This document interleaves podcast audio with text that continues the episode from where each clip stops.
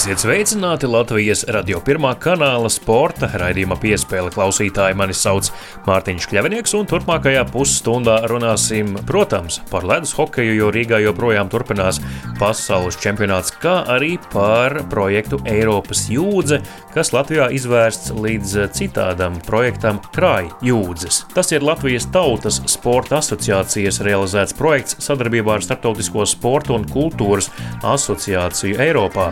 Tā vadmotīvs ir veicināt fiziskās aktivitātes sabiedrībā, līdz ar to arī uzlabojot kopējo sabiedrības veselību. Par šo projektu un arī par to, kā Latvijas hokeja izlases sastāvā klājas debitantam Renāram Krastenbergam jau pēc pavisam īsa brīža.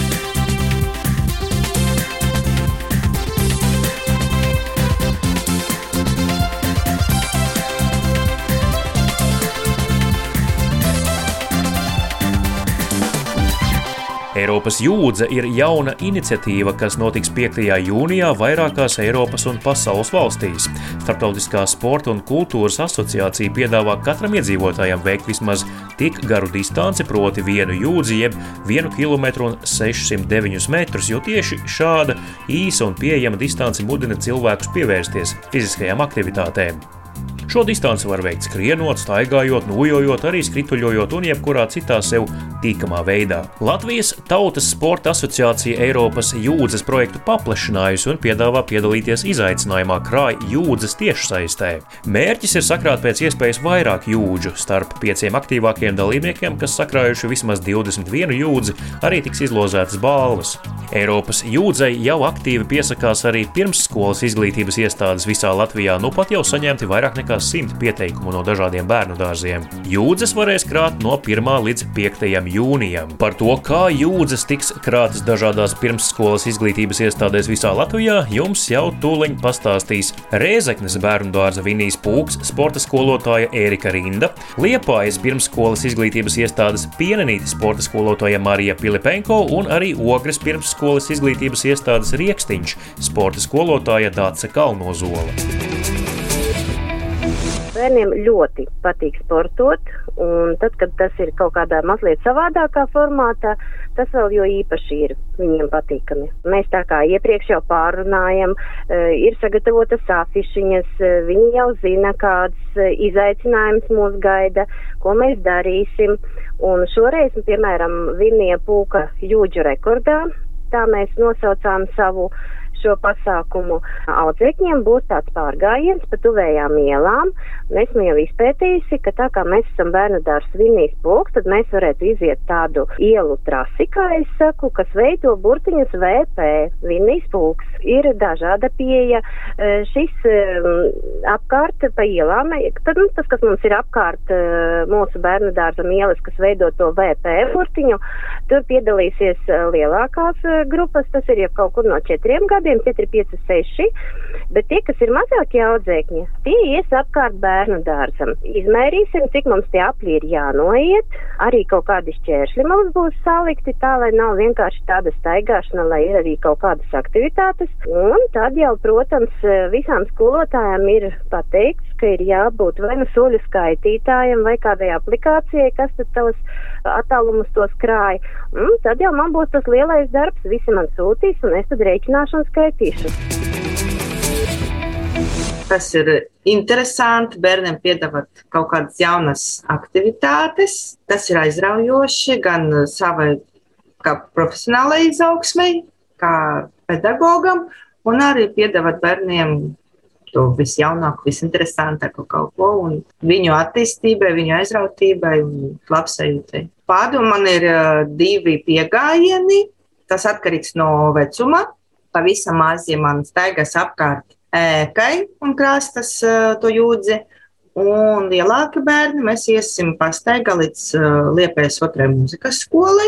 Tur mēs uzspēlēsim Viktorīnu par mūzikas instrumentiem, ar jautājumiem un ceru, ka dabūšu arī tas labas atbildes par mūzikas instrumentiem. Un tad mēs dosimies atpakaļ un viņi paši veidos uh, muzikālus grabulīšus no piedāvātiem pildījumiem un Es domāju, ka viņiem tas patiks. Pašam izveidot uz piemiņai par uh, gada beigām. Viņiem patīk pasākumi kā tādi. Kaut kas cits, viņi uzreiz, jā, forši. Nav tā, ka es viņiem saku, nu būs pasākums, tad viņi tā, nē, atkal kaut kas. Nē, nē, viņiem patīk. Kā tas izpaudīsies? Kā jūs tās jūtas krāsiet tieši rīkstiņā? Nu, mēs jūtas krāsim atbilstoši vecumam, jo mums ir bērni sākot no nepilniem diviem gadiem un ir tādi, kuriem septiņi pāri. Tad tie mazie čāpos tādu jūdzīti mums ir uh, pastaigu maršruti. Un es izrēķināju, ka tas mazais maršruts, ko tie mazie staigā ikdienā, nu ne ikdienā, bet šādi tādi, tur, tur tā jūdzi sakrājās. Nu, tad ar tiem mazajiem mēs iesim to mazo jūdzīti. Ar pašiem lielākajiem es esmu sarunājis Ogres pirmajā vidusskolā stadionā divas stundas, ka mēs tur varēsim iet, mēs būsim vieni paši un mēs noskriesim tās jūdzes. Nu, sanāk četri apli, un tad arī mums būs tā jūdze. Bet tam vidējam posmam tur es izdarīju tā, ka mēs brauksim ar tādām mazām ķērām, brauksim ar maziem ritenīšiem, tur būs stafetes. Tur gluži nebūs tās jūdzes, bet nu, tas zem tā pasākuma ar nosaukumu ripo jūdzi. Nu, tad visi kopā droši vien noripos to jūdzi. Jo tīri noskriet, man tā kā likās, nu, tā kā druskuļi pa īmu, nu, tā kā nav tik interesanti. Tie, kas skrien, tie arī ātrāk tiek pēc tam pa karjeras kāpnēm uz augšu. Tā kā ir jāskrien. Tad, kad es biju maziņš, tukumā, es metu šīs maigas, ar ko piesien cūkums. Eiropas jūdzes projektu un arī izaicinājumu krāja jūdzes Latvijā realizēja Latvijas Tautas Sporta asociācija. Par to, kāpēc šis projekts ir svarīgs un kāpēc tiek realizēts, jau tūlīt pastāstīs Latvijas Tautas Sporta asociācijas projektu vadītāja Anastasija Marčenko. Tas ir tiešām jauns projekts, jauna iniciatīva. Mēs to izcinām sadarbībā ar Startautisko sporta un kultūras asociāciju, kuras biedri mēs esam jau ļoti ilgu laiku. Pamats ir ļoti vienkārši lielisks veids, kā uh, mudināt cilvēkus pēc iespējams lielāka pārtraukuma, kurš mums notika uh, daudziem dēļ Covid, tad uh, cilvēki var uh, ar to nelielu distanci, kilometrs uh, 609 metri, tas Tas ir tā kā viena jūdze. Ar to iesakt un tad atgriezties tā kā atpakaļ sportā.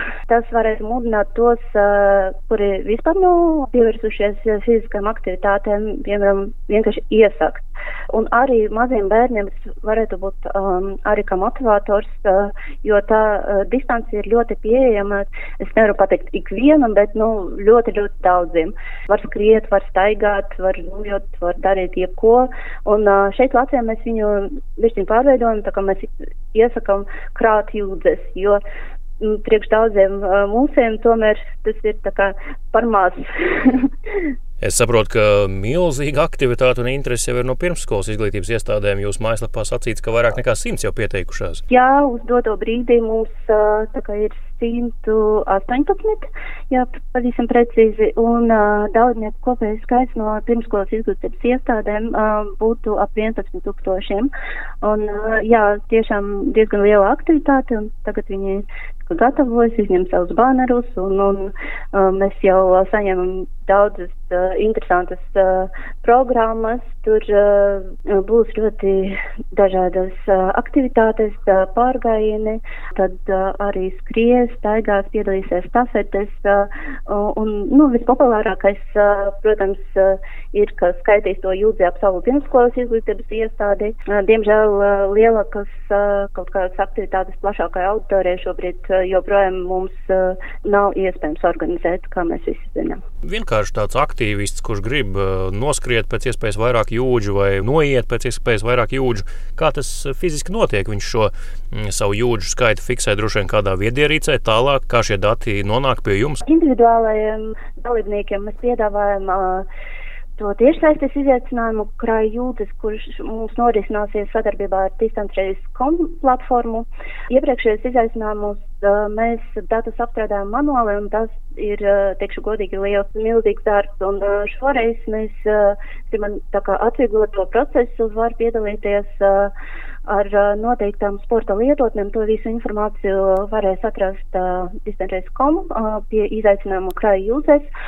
Un, principā var piesaistīt, ja kādam ir uh, strāva vai MapMy Fitness, MapMy Walk, tādas lietotnes, nu, tā kā vienas no, no populārākiem. Tos profilus var piesaistīt un uh, vienkārši tad uh, automatiski tiks uh, dati uh, sinhronizēti un uh, būs ļoti uh, vienkārši uzskaite. Un arī uh, es uh, vēlos uzsvērt, ka būs uh, ļoti dažādas aktivitātes, var staigāt, skriet. Piemēram, jūs dienas laikā nostaigājat vienas pastaigas ietvaras kaut kādu intervālu, tad var vēlreiz vakarā noskriet un, un tad var braukt ar riteni. Tad ļoti liels klāsts. Vajag tikai neaizmirst ieslēgt un izslēgt sporta lietas. Eiropas jūdzes izaicinājumā krāja jūdzes šogad piedalīsies ne tikai pirmsskolas izglītības iestādes, bet arī vispasaules diktāta latviešu valodā rīkotājs Raimons Grants. Sveiks, Raimond! Labdien! Klau, kādas ir tavas attiecības ar, ar sportu, varbūt ar jūdzēm, kilometriem? Pastāst klausītājiem. Būtībā pandēmijas laikā, nu jau vairāk nekā gadu, es esmu intensīvi pievērsies aktīvam sportam, tieši staigāšanai, skriešanai, arī tenisam, protams. Un uh, es ikdienā ļoti daudz staigāju un piedalos dažādos izaicinājumos, un mani uzrunāja piedalīties arī šajā, kas būs jūnija sākumā, Eiropas jūdzē. Es domāju, ka ik viens radio klausītājs arī labprāt varētu piedalīties, jo šis atšķirībā no daudziem citiem izaicinājumiem būs nevis tāds, kur vajag noiet ļoti, ļoti daudz, bet šis vairāk ir domāts tieši uz tādām mazākām aktivitātēm, ko ir spējīgs droši vien veikt eh, jebkura vecuma, dzimuma cilvēks vieglākā formā nekā ierasts. Jā, nu kā jau Latvijas eh, Tautas Sporta asociācijas pārstāve arī stāstīja pirms tam raidījumā piespēle, tad eh, skaidrs, ka tas Eiropas projekts ir vairāk vērsts, lai mudinātu vismaz to vienu jūdzi veikt savukārt Latvijas Latvijā, tad tā kā ir pietiekami plašs tas personu lokus, ne tikai pirmskolas izglītības iestādes, bet arī aktīvisti, kur vēlas garākas distances, tad, protams, būs iespēja arī sacensties savā starpā, kuram vairāk jūdžu. Cik varbūt kilometros dienā jūs pats veicat tādā ikdienas pastaigā un režīmā? Man šobrīd sanāk staigāt vairāk nekā 30 km dienā. Uz to man ir pamudinājuši arī citi izaicinājumi būtībā, kur nu, jau man sanāk arī tikt pie kādām balvām. Tas, protams, nav pašmērķis, bet tā ir lieliski iespēja, ja tu vari vienlaikus uzlabot uh, savu pašsajūtu, savu veselību, un ja tev beigās vēl apbalvo ar kādu medaļu vai diplomu, vai kā tikko noslēdzās izaicinājums, kur es tiku pie jauna uh, sporta vietpulksteņa. Brīvdienās, protams, sanāk staigāt vairāk, Arī šobrīd es atrodos patiesībā pārgājienā, bet, bet eh, darbdienās tie ir kādi 20, 30 km. Brīvdienās tie dažkārt ir pat 50, 60 km. Darba dienās sanāk tā vienkārši. Tas ir tāds maršruts, vai tu speciāli meklē, kur vēl pastaigāt, lai to kilometru būtu vairāk? Eh, tas ir ļoti atkarīgs no tā, kāda man ir tā darba ikdiena, bet būtībā es pandēmijas laikā esmu atteicies pilnībā no sabiedriskā transporta, un es eh, pilnīgi visur, kur dodos, es dodos kājām. Arī uz darbu es no rīta rītiem dodos kājām, tie man ir aptuveni 9-10 km. Tad, attiecīgi, pēc darba es dodos atpakaļ, tie ir tie paši 9-10 km. Varbūt vienīgi par kādu citu maršrutu. Nu, un tad, protams, savam priekam es noeju vēl kādu gabaliņu, vai es aizēju uz tenisa laukumu, kur es vēl spēlēju tenisu. Nu, un tad eh, dienas beigās jau tie ir 30 un dažkārt mazliet vairāk darbdienās, jā, kilometri. Es pats pirms pandēmijas arī tā mēģināju darīt eh, kādu laiku, absolūti atteikties no jebkāda transporta uz riteņiem un, un tikai tikai ar savām kājām veikt maršrutu uz un no darba. Plānošana, laika plānošana diezgan daudz. Tas tomēr ir, eh, ja diena ir dinamiska, tad, eh, tad tur ir jāplāno, kur, kad iet, cikos iziet. Jā, protams, bet tieši tāpēc tas ir arī interesanti, ka, ja man ir tāds biroja darbs, tad eh, kas man ir diezgan nosacīti, vienā laikā sākas un vienā laikā beidzas. Un, protams, atšķirībā no tā, kāda ir tie pienākumi. Protams, sliktā laikā varbūt tā motivācija ir mazliet mazāka, bet nu, jau tas ir kļuvis par tik izteiktu dzīvesveidu, ka es būtībā staigāju arī lietainās dienās. Cik svarīgs elements eh, tādā ikdienas pastaigā ir um, sevis pārspēšana, respektīvi, cik intensīvi izmanto viedierīces, lai fiksētu distanci, ātrumu? Eh, tās ir ļoti svarīgas, eh, jo man tiešām interesē, cik ātri veicu šīs distances, tāpēc es arī testēju dažādas aplikācijas un dažādas programmas, un es esmu secinājis, ka dati atšķiras. Arī nesen bija izaicinājums, mēs esam sportiņā, un arī es izmantoju divas dažādas aplikācijas, pilnīgi vienlaikus tās ieslēdzot un izslēdzot, secinot, ka dati mēdz atšķirties nu, pat par kādu kilometru vai diviem, ja tas ir kaut kāds tāds lielāks gājiens. Nu, teiksim, uz 20 km tā distance var atšķirties pat par diviem kilometriem starp dažādām programmām. Mm. Tāpēc, ja kādam cilvēkam ir ļoti svarīgi nezinu, piedalīties izaicinājumā, lai tiktu pie kādas balvas un būt labākajam, es iesaku tiešām um, pamēģināt paskatīties dažādas šīs lietotnes, lai saprastu, nu, kura tad viņam uzrāda varbūt to labāku rezultātu. Vai arī interesanti ir, ka tu ej vienu un to pašu distanci, teiksim, vairākas reizes, un arī tev parāda vienu to pašu maršrutu, bet tev parāda atšķirīgu to, iz, eh, to distanci veikto, mazliet ir atšķirības kilometros vai vismaz metros, līdz ar to tas ir arī svarīgi. Droši vien jau skrējējiem skrienot ir svarīgāk testēt, cik ātri noskrien, teiksim, tos 10 vai 21 km, bet arī iešanā tas nav maz svarīgi. Tā ikdienā staigājot, tu apkārt sev redzi pietiekami daudz uh, sev līdzīgos, kuri arī izmanto savus divus kājas, lai pārvietotos. Uh, droši vien tu vairāk tagad pievērs uzmanību, cik viņu vispār ir. Jā, un patiesībā man tiešām ir liels prieks redzēt, ka cilvēki kļūst aktīvāki. Man gan gribētos redzēt arī jauniešus, nu, 20 gadīgus, 30 gadīgus arī cilvēkus, kuri ir aktīvāki, jo manos ceļos biežāk nākas novērot tiešām cilvēkus jau gados un tiešām visu cieņu un liels respekts viņiem par to, ka kundzītes gados tik aktīvi nojo un redzot arī viņu tempu, kādā tas notiek, ir tiešām liels, liels prieks. Un es tiešām vēlos motivēt arī jaunākus cilvēkus um, piedalīties un pavadīt vairāk laika ārpus mājām un kustēties. Paldies, Raimonda, par šo sarunu sporta redzījumā piespēlē. Tev ir kāds īpašs mērķis, ko tu gribi sasniegt šajā krāja jūdzes izaicinājumā, cik tu gribi kādu skaitli sasniegt? Es tā neesmu domājis par šo mērķi, cik es vēlos sasniegt, jo pats galvenais ir eh, vispār doties laukā, elpot svaigu gaisu, pastaigāties tādā veidā, uzlabojot savu veselību. Bet um, tieši par šo izaicinājumu runājot, eh, visi dalībnieki, kuri būs veikuši vismaz 21 jūdzi, kas ir aptuveni 34 km, piedalīsies eh, piecu balvu izlozē. Uh, nu, tā kā man tās balvas šķiet interesantas, lai gan viņas dažkārt nav zināmas, zināmas.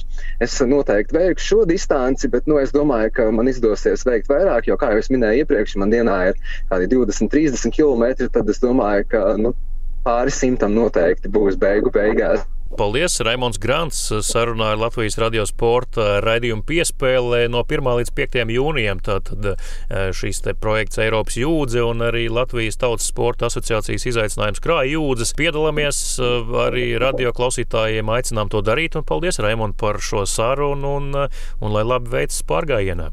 Jā, liels paldies! Liels paldies jums vislabāk! Tas ir ļoti pašsaprotami, ka Latvijas sauc, tad tur nav variantu. Tu vienmar saki, ka jā. Es cenšos ar katru spēli palikt labāks, katru spēli augt. Tad, kad jau ir uh, sezonas beigas un, un starpsezona, tad tu vari palikt vēl labāks spēlētājs.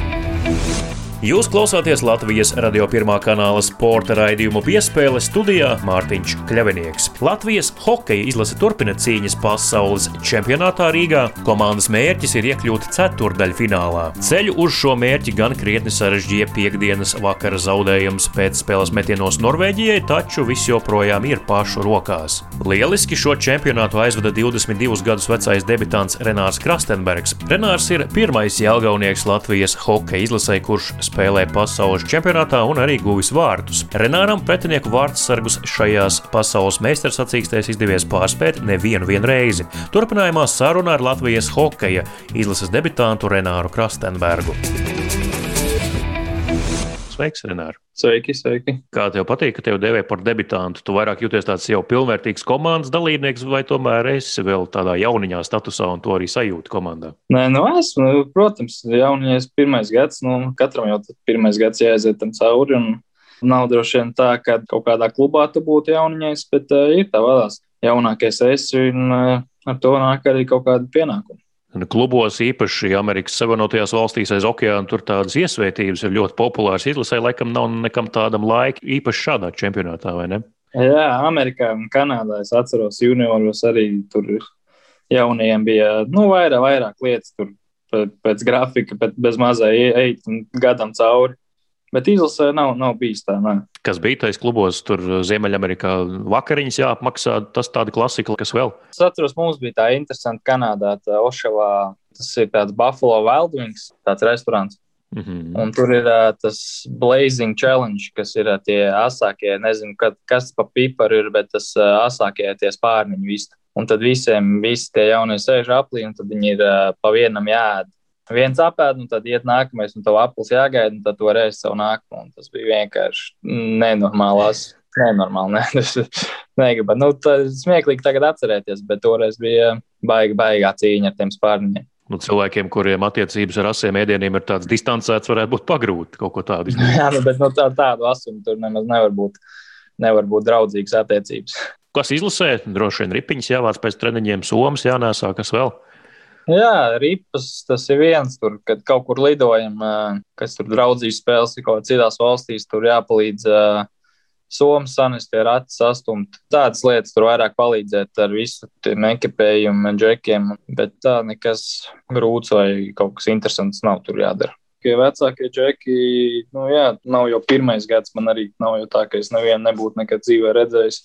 Un tāpēc ir, ir vieglāk, un ir arī džeki, ar ko esmu junioru spēlējuši, tur jaunākie čaļi Kāds tu esi pēc dabas pastāstīja? Nu, man tas iespējas palicis, nu, vismaz intervijās, ka tu neesi nekāds lielais runātājs un tāds uh, vārdu meistars. Kas par Daugoviņš ģērbtuvēs noteikti neesi, kurš visu laiku runā. nu, jā, es tāds teiktu, ka tāds diezgan mierīgs. No klusākā gala Daugoviņa stils droši vien runā, baigi es tur skaļi neuzvedos. Jā. Tu jau gan jau zini to slaveno stāstu, kā Daugoviņš ienāca izlasē pirms 15 gadiem, 2006. Eh, gadā tautas valodā sadeva pa tauri treniņā Semjonovam un tad savu vietu arī izkaroja. Tu esi ar tādu noskaņu, tu nāc uz izlasi, ka man ir jāizplēš ar zobiem, kādam vieta jāatņem vai tā mierīgāk uztvērt lietas. Nu, protams, to vienmēr zinu, ka būs konkurence un vienmēr gribi sevi parādīt, īpaši kā jaunais treniņos, tu vienmēr maksimāli kaut ko strādā un dari. Tā, lai tu iekristu acīs un maksimāli strādā, bet tā kauties treniņos nu, līdz tam nav, nav aizgājis. Par devīto numuru tu jau citā intervijā stāstīji, ka tas bija tāds vienīgais no tādiem sakrīgajiem numuriem, kas bija palicis, ko tu vari izvēlēties. Nu, tur arī vēsture pietiekami sena, kas tev jānes tāds vezums līdzi, jā, jāvelk pietiekamas maksas. Aleksandrs Baļāvs, kas gal galā devītais numurs izlasē, tāpat Jā. arī Krišāns Rēdliks, tie ir meistari, nu, kuru pēdās sekot ir diezgan grūti. Jā, nu es par krīšu zināju, bet uh, ka nē. Es, uh, jā, man jautāja par to numuru, un, uh, un es jautāju, vai var vispār ņemt. Es nezināju, vai kā to numuru izņems ārā no krīša vai Bet varēja, bet īstenībā man teica, amatieros spēlēja ar uh, 9. numuru. Nu, visu laiku viņš tur Jālgavā spēlēja, amatieros viņam vienmēr bija 9. Tad pamanīja, ka nu, vajadzēja izvēlēties to numuru, un tie numuri, ko es parasti ņemu, tie bija visi aizņemti. Es sāku domāt, kuru varētu redzēt devītais, un uh, turreiz iedomājos, jā, Pāterim bija devītais. Tāpat tās interesanti. Nu, vienalga, lai amatieri vai kāds līmenis tēvs jau tomēr mazam puikam ir pirmais piemērs, uz ko skatās un redz tēta spēlē hokeju, es arī gribu. Droši vien tev bija tāpat. Jā, nu, jā, jā es atceros, visu laiku viņam ģērbtuvē bija braucu tam spēlēm, tur burtiņu virnē vai ūdens salē, kaut kādas tādas lietas. Hokeja treniņiem garām paiet nemaz nevarēja. Tas tev jau bija no bērnības tāda vēlme, un tu to organiski sajūti kā nepieciešamību trenēties. Ja? Jā, es tajā kā lai, man liekas, tur no pēc skolas, kā no skolas izgāja tā līdz tam vēlam vakaram, kamēr man tur izvilka no tās halas dēra. Klau, par profesionālo karjeru runājot, eh, Ziemeļamerikai šo sezonu meti atmet ar roku nu jau pagājušajā sezonā. Kāpēc tā? Kāpēc vēl tomēr nemēģināja kārpīties tur pa, pa zemākajām līgām? Nesaskatīja iespēju reāli. Es domāju, ka lielu lomu nospēlēja Covid šogad, līdz kuram tam mēnesim nevarēja zināt, būs tā sezona, nebūs, kad viņi būs. Tīpaši manā situācijā, kad man nebija līgums, nebija nekas garantēts tur uh, bija jāskatās tālāk un jādomā, jo sēdēt, gaidīt kaut ko, kas notiksies, arī nevar tajā brīdī un manā vecumā. Un, uh, Bet tā kā atmetis ar roku, tā nav. Es gribu, protams, mērķis ir braukt vēlreiz, kad būs kāda iespēja un uh, izcīnīt savu vietu, tur kaut ko pierādīt sevi. Mērķis paliek tas pats, ka šogad visiem tā sezona sanāca, kā sanāca, un es esmu pateicīgs, ka es dabūju, kur spēlēt. Dienāmo stāsts, nu īsts bija tavs skrējiens kopā ar Dienāmo, bet uh, nu, skatoties, kā tā sezona izvērtās, laikam labi, ka tu tomēr aizbrauci beigās uz Austriju, paspēlēji vēl arī Latvijas čempionātā. Dienāmo tev to pozitīvu emociju noteikti nebūtu tik daudz, cik tu varēji iegūt spēlējot Mogo un, un Austrijā. Nu, jā, Dienāmo bija tā, tā. Droši vien nebeidzās tā, kā es to biju iedomājies, jo vienmēr bija tas bērnības arī sapnis spēlēt Dienāmo. Tur brauc mazāks, bija brauc arī ar tēti, skatījos tās spēles visu laiku Bet, uh, nu, jā, nu, personīgi neaizgāju, nedabūju kaut kādu treneru uzticību no pirmās dienas jau, un uh, tas viss notikās tā, kā tam bija jānotiek arī. Tu paliec Austrijā arī nākamajā sezonā. Ja?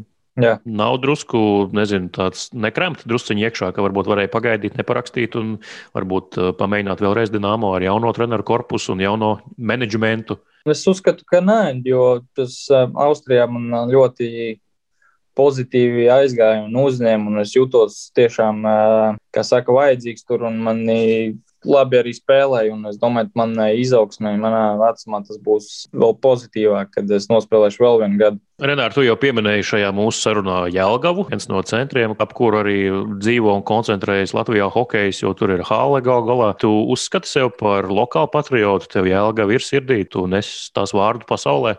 Protams, Jēlgavnieks no pirmās dienas un uh, lepns Jēlgavnieks. Tagad arī dzīvoju Jēlgavā pavasarām un uh, biju uz īsu brīdi uz Rīgu atnācis, kad pie Dienāmo biju un Mogo. Bet, uh, jā, Jālgavnieks no pirmās dienas trenējies tur arī pavasarī. Un uh, lepns Jālgavnieks un uh, nekaunos no tā. Ko jūs esat paveikuši, cik tas ir vērtīgi vai atbilstoši tam, ko jūs gribējāt? Es domāju, ka spēlējam labi, bet, uh, protams, ir varam vēl izaugt visās jomās. Un, uh, ar vārdu gūšanu, gan jau tas atnāks un gūsim vairāk vārdus. Un uh, galvenais ir neielaist viņus vairāk. Un es domāju, tas ir pagaidām pozitīvākais. Skaidrs, ka tad, kad uh, iemet pirmos vārtus izlasē pasaules čempionātā, tad savāc uh, ripiņu paņem pie sevis. Ko dara tādās situācijās, kad dod piespēli pirmo savu rezultātīvo pusripiņu, nozāģē tev ekipējuma menedžeris vai kā, kā tas notiek? Nekas, nekas pa, pa piespēlīt, nekas laikam nepienākās. Bet pašam gandrīz ir, vai ne? Protams, jā, nu, tas droši vien tādā izlasē tas nav uh, tas, ko tu ejot uz spēli, domā, ka dabūt kaut kādu punktu vai iemest kur golu, bet tu gribi vienkārši uzvarēt, palīdzēt komandai. Bet, uh, protams, kaut kā ja tādā veidā palīdzu gūt komandai mm. uzvaru, protams, prieks ir. Tas jautājums, kas uh, pirms turnīra nomocīja daudz prātus, uh, kāds ledus ir arēnā Rīga? Arēnas Rīga vadība sacīja, ka ir strādāts pie ūdens sastāva, lai būtu labāks ledus, Somijas speciālisti pieaicināti. Un tad Nāma uzspēlēja drusciņu sezonas sākumā, atceries, kāds tad bija ledus un kāds tagad varbūt var salīdzināt. Personīgi liekas, ka ledus ir labs, ļoti labs un visur Daugavā. Un, uh, arī cik mēs tur bijām to vienu dienu Olimpiskajā centrā. Un arēnā liekas, ka tā, tā labs. Tā kā nav par ledu, tiešām nav bijušas nekādas sūdzības. Ģērbtu, es skatījos, vismaz video jums tur arī ir. Nu, dzīvojat kā karaļi. Jā, uztaisīts ļoti labi un uh, viss, viss ir pieejams perfekti. Kas tur viesnīcā ar tiem plakātiem? Es saprotu, tur ir katrs spēlētājs, viņa sēž uz plakāta un kaut kāds citāts no intervijām, ja, lai jūs uzmundrinātu vai, vai sasmīdinātu jā, tur kā kuram laikam kādam paprasīja, vai kādam izņēma no kaut kādas intervijas, vai kaut ko būtu teicis. Jā, nu, tur viss, tur, kur ēdam, tur, kur ir tā atpūtas zona, tur ir izlikti tie plakāti. Un ģērbtuvē ir tie motivācijas saukļi arī kaut kādi, jā, uz sienām. Jā, jā. jā. Tev vajag kaut ko tādu, lai, nu, kad tu redzi sev acu priekšā tādus motivējošos citātus, te, uz tevi tas strādā? Protams, tas ir, man liekas, padara to izlasē būšanu vēl tādu nozīmīgāk, ka tu kā apkārt visur ir Latvijas karogi un kaut kādi saukļi. Un, uh, tur mums uz vienas sienas ir uh, Skrastīņš, Šoltuks un Jānis Kvēps. Un, uh, nu, tas man liekas, tā padara to visu maigāk un nozīmīgāk, ka tu tiešām pārstāvi Latviju un pārstāvi to savu karogu. Jā, tas ir tiešām, tiešām mājīgi. Tur viss ir uztaisīts. Un, protams, tas kaut, kaut kā nedaudz tos skatītājus varētu ielaist. Man liekas, būtu ļoti forši. Tas kā reiz būtu, man liekas, uz ceturtajā fināla. Tad jums tas uh, pacēlums būtu un grūdienis varētu būt vēl spēcīgāks, sasniegt pirmo reizi pusfinālu. Jā, tas palīdzētu. Jā.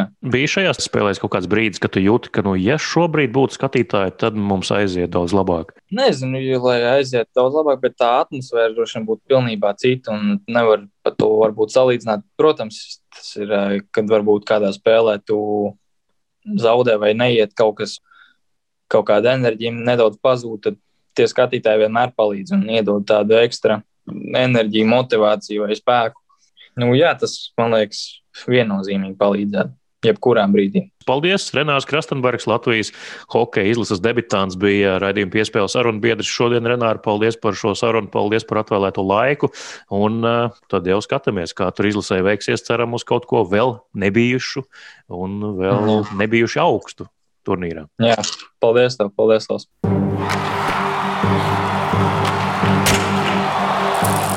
Līdz ar to arī izskan Latvijas radio pirmā kanāla sporta raidījums piespēle. To veidoju un vadīju es, Mārtiņš Kļavinieks, par labskaņu, kā vienmēr parūpējās Nora Itspapa. Uz sadzirdēšanos jau pēc nedēļas!